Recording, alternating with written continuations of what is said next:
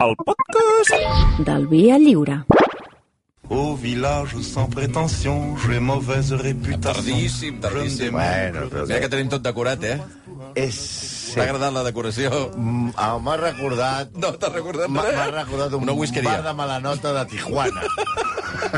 Hi ha una cortineta La daurada corti- per la entrar, cortineta, eh? jo t'ha l'he vist a Narcos, aquesta No heu entrat per aquí, no us heu atrevit. No, no, no, no, no. Heu entrat per l'altra porta, per si acaso. Sí, sí. Jo, a més, a mi, a mi em fa nostàlgia, perquè com que m'has despedit d'Eurovisió... Ostres, Però si fa anys que no vens, ja. No, home, no, des de la pandèmia. Des de la pandèmia, però l'any Però passat què? tampoc. Ara què és aquest? No, aquest no, Pedro? que venia abans. amb ho bé que ho feia.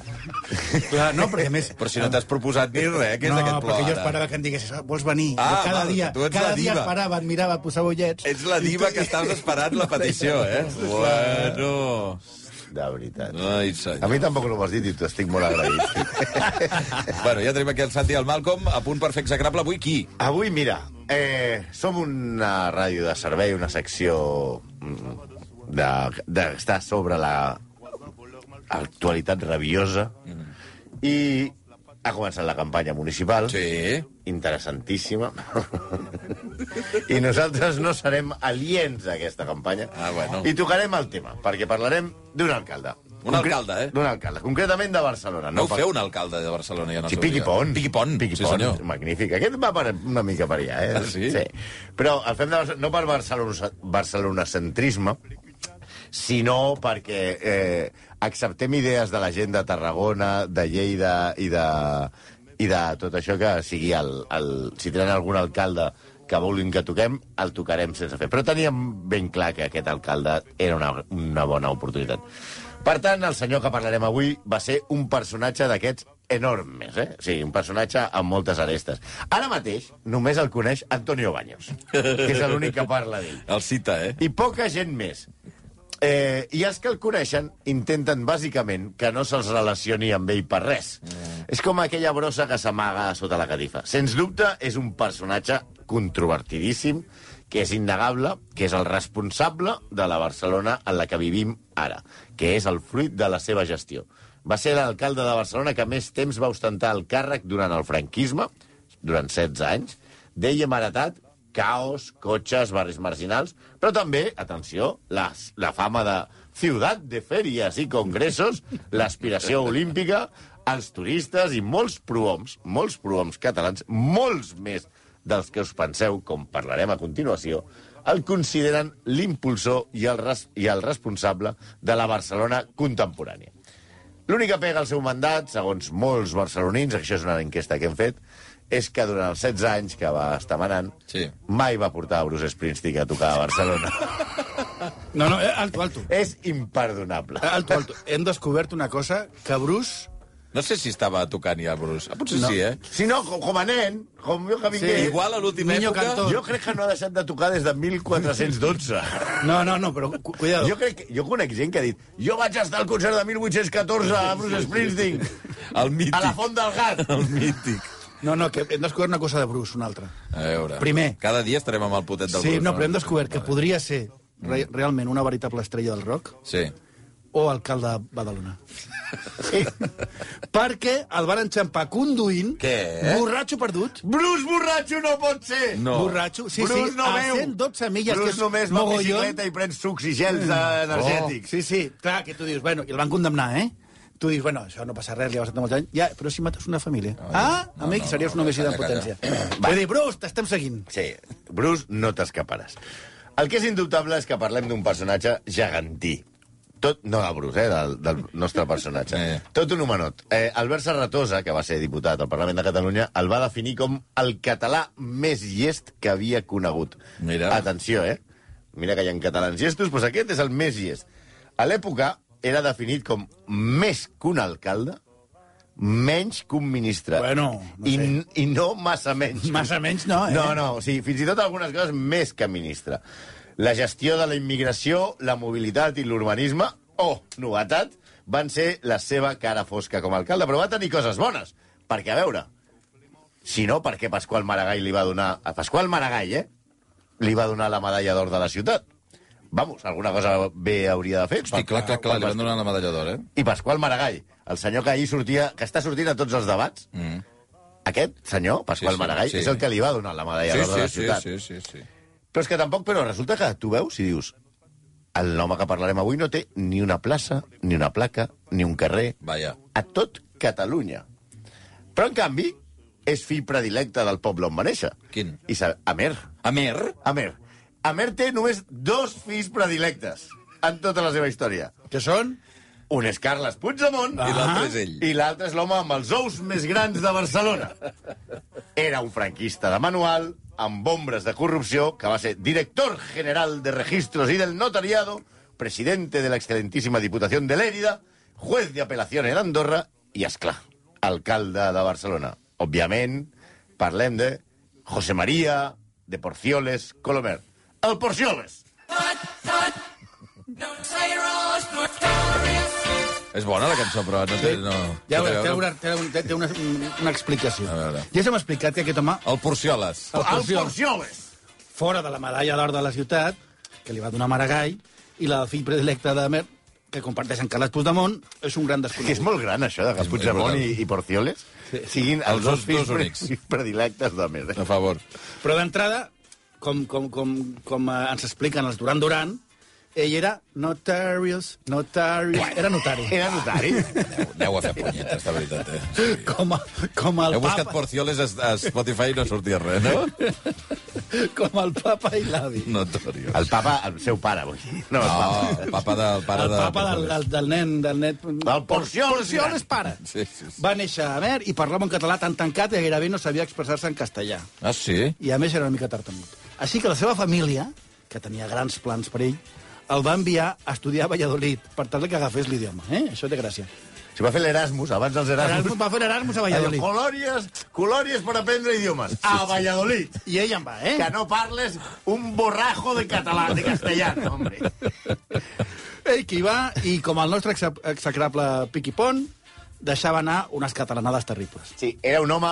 Aviam, com era Porcioles? Un home de missa, molt de missa, molt creient. Vamos, era de l'opus a Revienta Calderes. I l'enorme biografia, Piqui Pont, diria, la seva enorme biodramina, eh, va, que va escriure, va escriure eh, Lluís Martín Berbois. José María de Porcioles, biografia de una vida singular. El defineix com franquista indiscutible, catalanista tebi, definidor d'utopies intangibles per a Barcelona i destructor de l'equilibri urbà amb l'especulació que dibuixaria un perfil que segurament no admet posicionaments maniqueus. I com sabeu, nosaltres no som gens maniqueus. No. Ah, no, a veure, Mai. A veure, un moment, expliquem als de l'ESO què és ser maniqueu. No, home, no, sí que ho saben. No. Maniqueu és la tendència a reduir qualsevol judici sense mitges tintes, o a favor o en contra, que es va fundar a l'imperi persa per un filòsof que es deia Mani. Mm. De Mani, Maniqueu. Mm. És a dir, perquè ho entenguin els de l'ESO. Què? El xiringuito de jugones va ser fundat a l'imperi persa. No, no, no, no. Això és un tema que li hauries de fer arribar a l'Albert Pla. No, no, no. Els maniqueus. Hosti, mira, doncs ja li faré arribar. Parla-li de Mani... De... Demà, demà tenim secció, però no, no crec que li donin temps a No, parlar dels però el teu maniqueus. comentari, Albert, diu... Hosti, doncs m'agrada, eh? Els maniqueus. Maniqueus.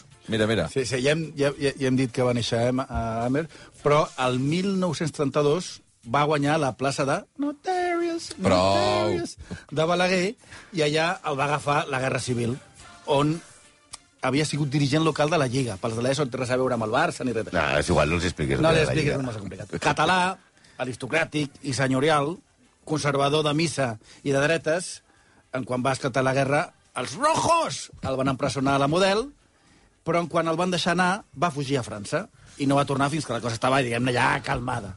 És a dir... Bueno, calmada. Calmada. Bueno, per ell calmada, sí, per ell quan ja Franco havia guanyat. És a dir, Vale, quan Franco va guanyar, per ell això era Quan estava, quan estava tot arrasadet, Sí, sí. Quan estava tot en el seu lloc, i Vale, això vale. era d'ordre, Vale, això. vale. I el nan estava allà a Madrid.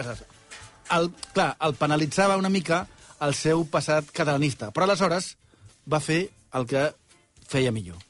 Fer-se el català simpàtic a Madrid. El que demanava el Moina per una Catalunya equivocada. Mire, generalísimo, que no éramos rojos, Que éramos- que, que esto está, que no era que no era así, que los catalanes somos buenos, somos de buena pasta. Atenció, un missatge que ens acaba d'arribar, no m'ho crec. No pot ser un oient que diu jo vaig comprar un pis i el notari era ell. Sí, espérate. Sí, sí, sí, Ah, sí, sí. sí? Això parlarem. Gràcies Oi, per oi, oi, confirmar-ho. No ens avancem, no fem No spoilers, eh? No fem Que ens spoilers. doni més detalls, aquest estimable oient. No, home, no, ja dic, a una notaria de Gran Via, probablement.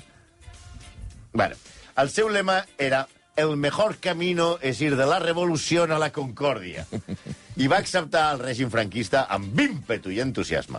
Els feixistes més ultres, els de, que van fer la Guerra Civil mentre ell se'n anava a França, desconfiaven d'ell pel seu passat catalanista.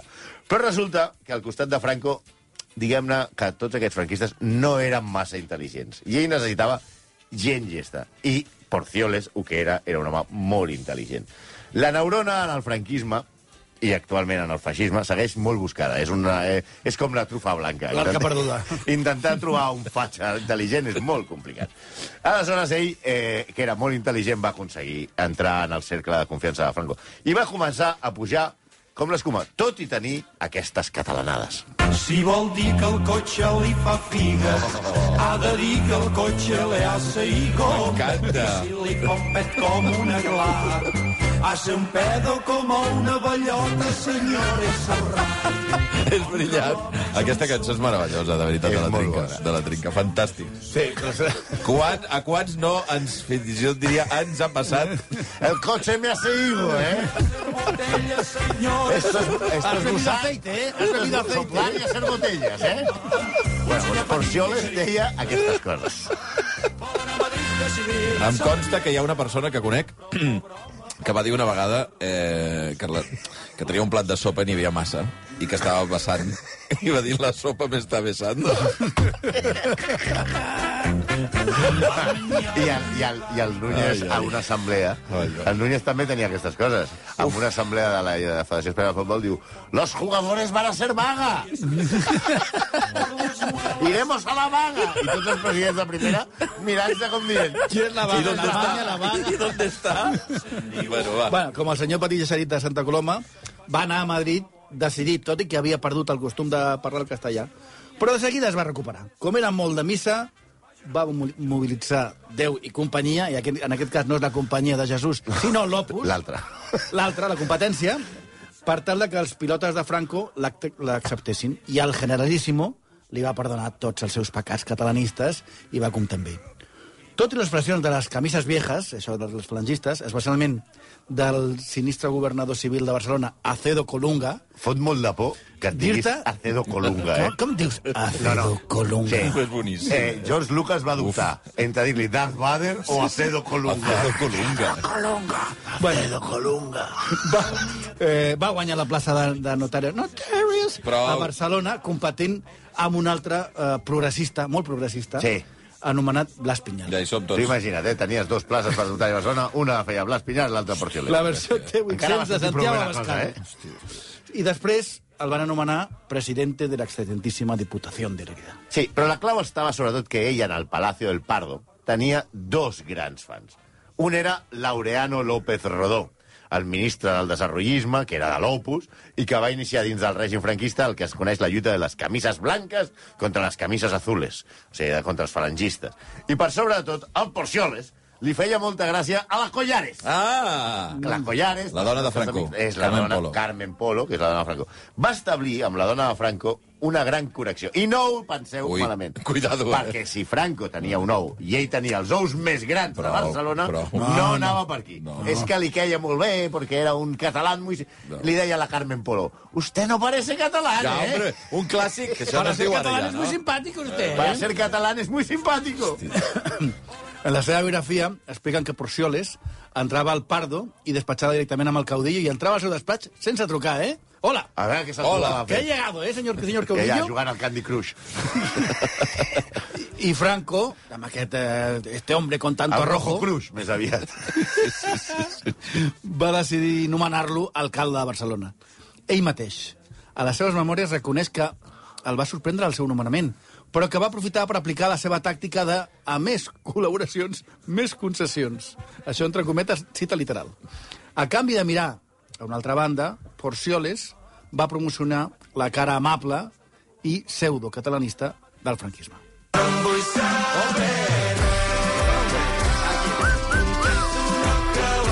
Atenció, perquè aquí hi ha una connexió. No veig la connexió entre els tiets Ja. i els porcioles. Sí. A base de catalanades i de llatinismes, que ja havia cert, tinc un, tinc un missatge d'Albert Pla, que estava escoltant i que diu eh, eren uns copions, els maniqueus, per una banda, i diu, per cert, jo encara dic parar la mesa, que als castellans els hi fa molta gràcia. Voy a parar la mesa, eh? Com si l'haguessis d'aturar, perquè quiet aquí. Quiet aquí, quiet, quiet. Geu, Coloma. Bueno, a veure si m'enteneu què, què vol dir això dels tiets, perquè no acabo de... ell- Si m'he d'enfadar. Eh, Porcioles es va fer el catalanet franquisme simpàtic. Mm. I ojo, que no era l'únic. I ves, per això que no sigui, que tothom ara quan li dius, i Porcioles, diu, no, Porcioles no em sona massa de res. Però si éreu col·legues seus, home, i, la, i parlàveu molt bé d'ell. Va haver, sí senyors, una Catalunya franquista, que es contentava que el Porcioles convencés al generalíssimo que aixequés la prohibició de les sardanes. Ara. Franco va prohibir les sardanes. Ves que no ho fes tot malament, Franco. Però Va, bueno, va, va. I el Porcioles va ser com els tiets. És a dir, va tornar a posar de moda les sardanes. vale? O com cony es diguin. Sardanes? Tai- No, tallets, Ah, tiets. ah, tiets. Bueno, sí, tiets, Va, tallets, jo sé. sí. Va tornar a posar de moda les sardanes. També va aconseguir posar de moda els castellers i els tres toms i el castell de Montjuïc, que va passar d'administració militar a municipal. Tot això s'anomenava, era dintre d'una campanya que es deia, atenció que això també us sonarà d'ara, Què? Operació Catalunya. No. Sí. Sí? Sí, ja, llavors? Era l'Operació Catalunya, però era... Diferent. in- Era diferent Sí, l'operació. era per intentar que el franquisme caigués una mica millor a Catalunya. Va dir, pues què les damos? Les damos Sardanes. los castellers, Sardanes. les sardanes, els tres Los toms, castellets, devien els castellets i tot això. Que bailen así cogidos de las manos, que Sí, les gustan home, mucho. los brazos en medio. Va. Bueno, més enllà de les sardanes, Porcioles va aconseguir reinstaurar la Carta Municipal de Barcelona, una fita inimaginable en aquells temps. Significava la restauració del Codi Civil d'una sèrie de normes això és una civils gran cosa que va fer, eh? Sí, que havien estat suprimides del, de, pel, pel decret de nova planta del, del 1714, no?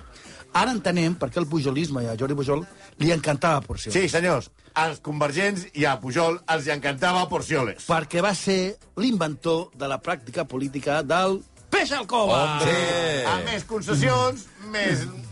A més col·laboració, més concessions. Clar, clar, clar, Vinga clar. cap aquí, vinga cap Tot, aquí. tot i que en aquest cas... Deixin ballar sardanes. Què, què, què, què? Què hi tenim per nosaltres? No, Porcioles, què vostè què pensa, Porcioles? s'ha de dir que aquest, en aquest cas la, la, el cova estava ple de peix una mica podrit i ell no va col·laborar massa a millorar-lo, eh?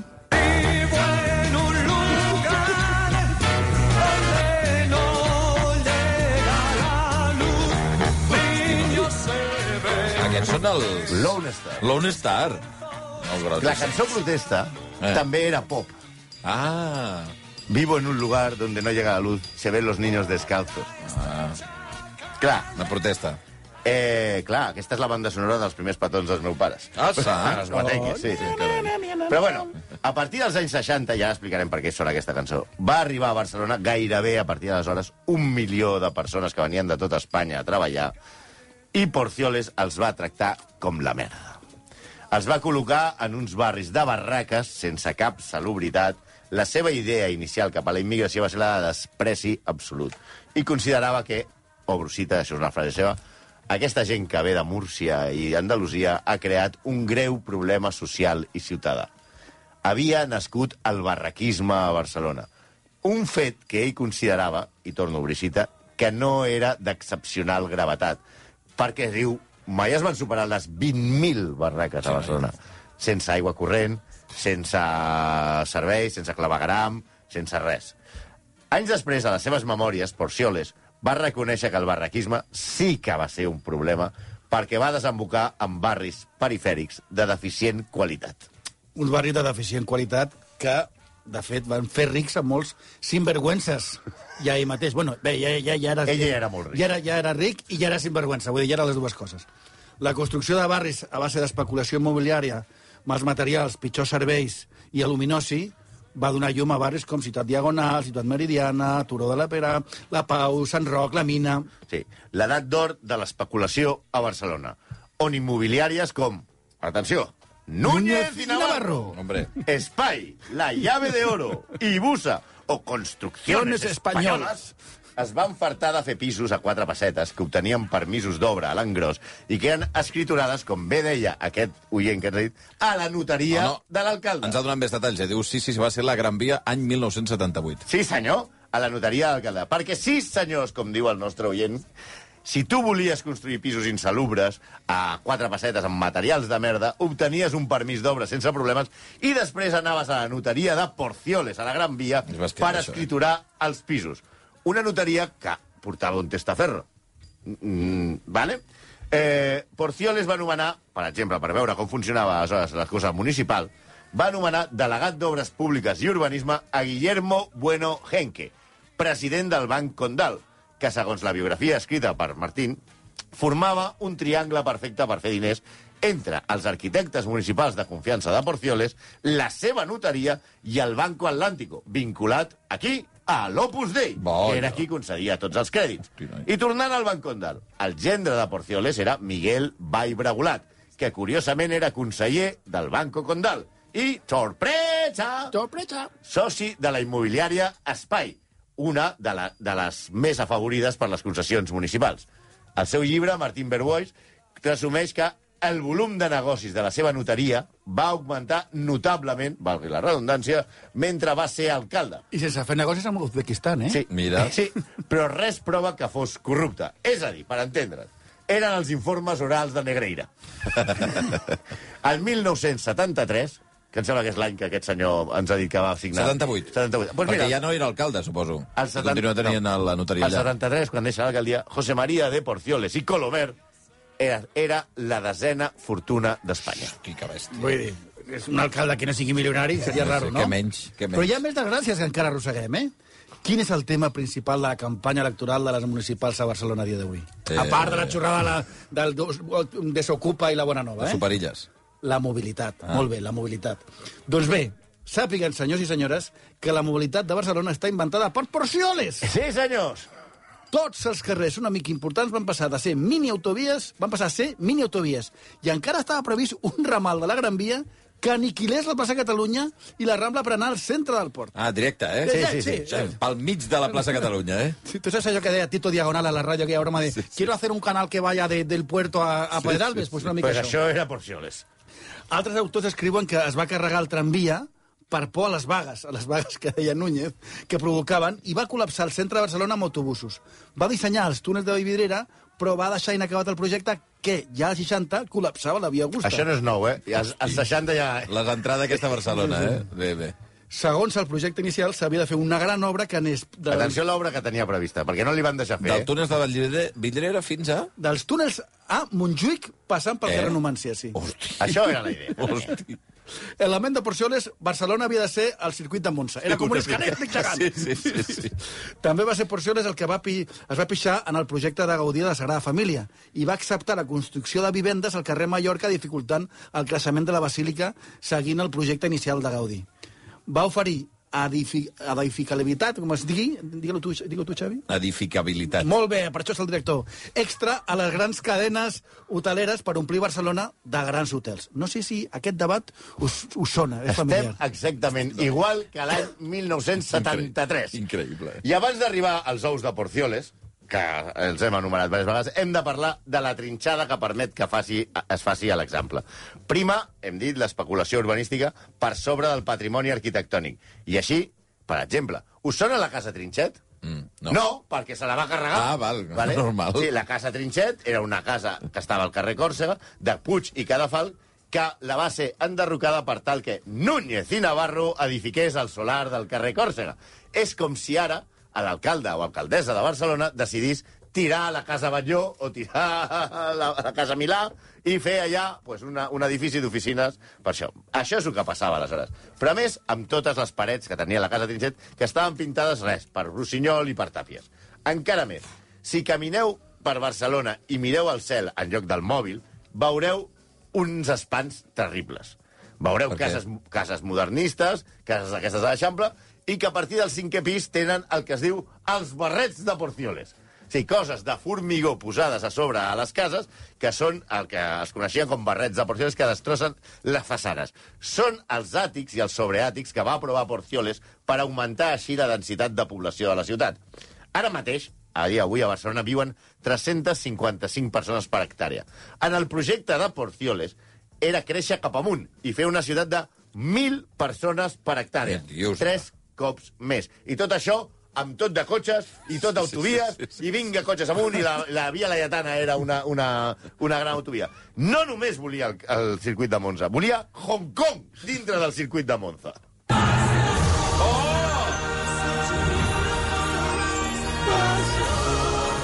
Aquests dies sembla que estiguem al 91, eh? De veritat, Sí, sí, sí, la 93. campanya, algunes coses... Sí, Exacte. sí. sí, sí. Però t'he vist al suís així una... una no sé, s'ha vist emocionat. Molt. Sí, senyors. Qui es va imaginar els Jocs Olímpics de per No, Barcelona? Mar- Maragall. No. No! Porcioles! Porcioles! Sí. sí, senyor. És idea de Qui Porcioles. al 1967 va presentar un pla anomenat Barcelona 2000. Barcelona 2000, Eh. eh? el 1967. que, que pretenia que mitjançant la celebració de grans esdeveniments la capital catalana superés el seu gran dèficit d'equipaments. Us sona? El primer pas Ah, d'aquest Com a mínim pla... es va imaginar els Jocs Olímpics d'estiu, no els d'hivern. El primer pas d'aquest pla era presentar una candidatura per organitzar els Jocs Olímpics de 1972. Però Franco li va dir, home, Porcioles, esta vez no. I no li va passar, Bueno. i li va primar, va primar la candidatura de Madrid, que va perdre. És l'única final que el Madrid perd recurrentment. és aquesta no, final. aquesta és la dels Jocs Olímpics, sempre. Sí, és l'única que perden. L'única cosa. En aquest cas, davant Múnich. En el pla també s'incloia una exposició universal per Barcelona l'any 82, que es va canviar pel, pel Mundial i els Jocs del 92. I tot això ho va fer, com? Amb un equip de joves tècnics que anys després dirigiria la ciutat. Fidel al seu estil de fer la puta i la Ramoneta, Porcioles, des del franquisme va protegir a les famílies nobles del catalanisme. Qui eren els seus tècnics a l'Ajuntament? Pasqual Maragall, Narcís Serra i Joan Anton Solans. Els dos primers van acabar sent alcaldes olímpics. I Solans, durant 17 anys, el director general d'Urbanisme de la Generalitat, de sota el govern de Jordi Pujol, que és autor de la frase. Jordi Pujol, dos punts. No, perdó, Solans, dos punts. Barcelona era una ciutat morta i Porcioles la va activar a base de corrupció. Bona frase, eh? Sí? Bona frase, sí, sí. Porcioles va caure, va caure a causa dels heroics moviments veïnals dels anys 70, que ell va intentar combatre per tots els mitjans, i perquè també, i això és molt important, Manuel Fraga va decidir ac acabar amb el sector Opus Dei del franquisme. Va ser destituït el 1973, però va deixar durant molts anys la seva empremta amb els dipòsits de gas que coronaven la carretera d'Horta Cerdanyola, que causaven pànic als veïns del barri i que eren coneguts com els els, els sous de Porcioles. Ah, era Els això, eh? sí. sous de Això no sé si això ho heu arribat a veure, perquè ho van No. treure. Eren dos dipòsits de gas rodons, gegantins, enmig de la carretera Els Porcioles. d'Horta a Cerdanyola, i que estaven enmig de les cases, i que la gent tenia pànic perquè això podia patar qualsevol dia. I allò era conegut com los cojones de Porcioles. bueno, com explica Antonio Baños, anem a citar Baños, al seu llibre Barcelona no té solució, Barcelona és ara la ciutat que va somiar Porcioles. No és estrany que Pasqual Maragall li dediqués una oda al seu funeral el 93 en una església a l'Opus que va motivar un article memorable de Manuel Vázquez Montalbán al País titulat La limpieza ètnica de los señoritos. Res de nou. Maragall ja li havia aconseguit la medalla d'or de la ciutat i havia declarat que, podem dir, això són paraules de Maragall, podem dir que Porcioles va posar les bases de la Barcelona del futur i li va injectar una dosi d'ambició i afany de modernitat que a dia d'avui encara es manté. Jordi Pujol també va dir de Porcioles que va ser, en el bon sentit de la paraula, un visionari. Moltes de les obres de la Barcelona Olímpica van ser planejades a la seva època. Pujol, també Tarradellas, que en va tornar a l'exili, el tenia com a assessor legal. Sí, personatge respectat, però controvertit el que ningú després de mort ha volgut tocar ni amb un pal, tot i que l'elogiessin en vida, eh? Porcioles, dice, por Porcioles no me, no me viene nada. A part de Vázquez Montalbán, només Joan Brossa va intentar desenmascarar-lo el 1889, va voler col·locar... 1900. 1989, Sí. va voler col·locar a la mina una estàtua de Porcioles titulada Record d'un malson. Oh, brutal. Era un bust en marbre blanc de l'alcalde sobre una cadira de notari que evocava els temps de la corrupció i l'especulació. Quan va entregar l'obra el 1991, l'Ajuntament no es va atrevir a exposar-la Oh. i ara està en el museu després d'anys en un magatzem Ah, però la municipal. tenen, eh? Sí, Sí. sí, se suposa. De estarà- Brossa, eh? ara- De Joan Brossa, sí, sí. Home, doncs igual és moment de està- recuperar-la, No, no? no, no la, no la posaran en públic, està al Museu de la Immigració. Sí, Ah, sí. bueno. sí. Per part meva, poc més afegir, més enllà d'aquesta... Sempre agraït al seu fill, una gran persona i un gran professor, que va fundar el diari Esport, Ah. i, que, i que la figura de José María de Porcioles i la seva relació amb ell li trauria els colors a més d'un dels pròcers d'aquests que es presenten a les eleccions. I explica clarament, Porcioles, un relat que tothom vol amagar. Catalunya també va ser franquista. Efectivament. Sí. Per cert, no, que el Malcolm va... No, que es va queixant, es va queixar i va fer aquelles coses de, oh, no m'has convidat, no m'has convidat. Que canti. És que la gent no se'n recorda. Ah, doncs posem-ho. La gent no se'n recorda. Dale. Endavant, Malcom Otero. Y estando contigo, contigo, contigo, de pronto me siento feliz. Y cuando te miro, te miro, te miro, me olvido del mundo y de mí. Qué maravilloso. Quin fondo, eh? Quin fondo que té, eh? Oh, Escolta, prou... Any 2018, Malcolm I i, Monty. I amb la família present, eh? Sí, i, amb, i vestit... De, no sé si portaves una... Una camisa blanca i una sollera, no? Així una mica de... Sí, sí, la família present, efectivament. Però doncs ja està. Vols tornar? Un altre, un Sí, un altre altre any, aquest ja que- no, eh? L'any aquest ja no. Avui tinc plans. Tens 5 minuts per preparar-te alguna cosa, si vols. Pràcticament un quart de 12 del matí. Gràcies, Malcolm. Gràcies, Santi. A A vosaltres. vosaltres. Tout le monde viendra me voir pendu, sauf les aveugles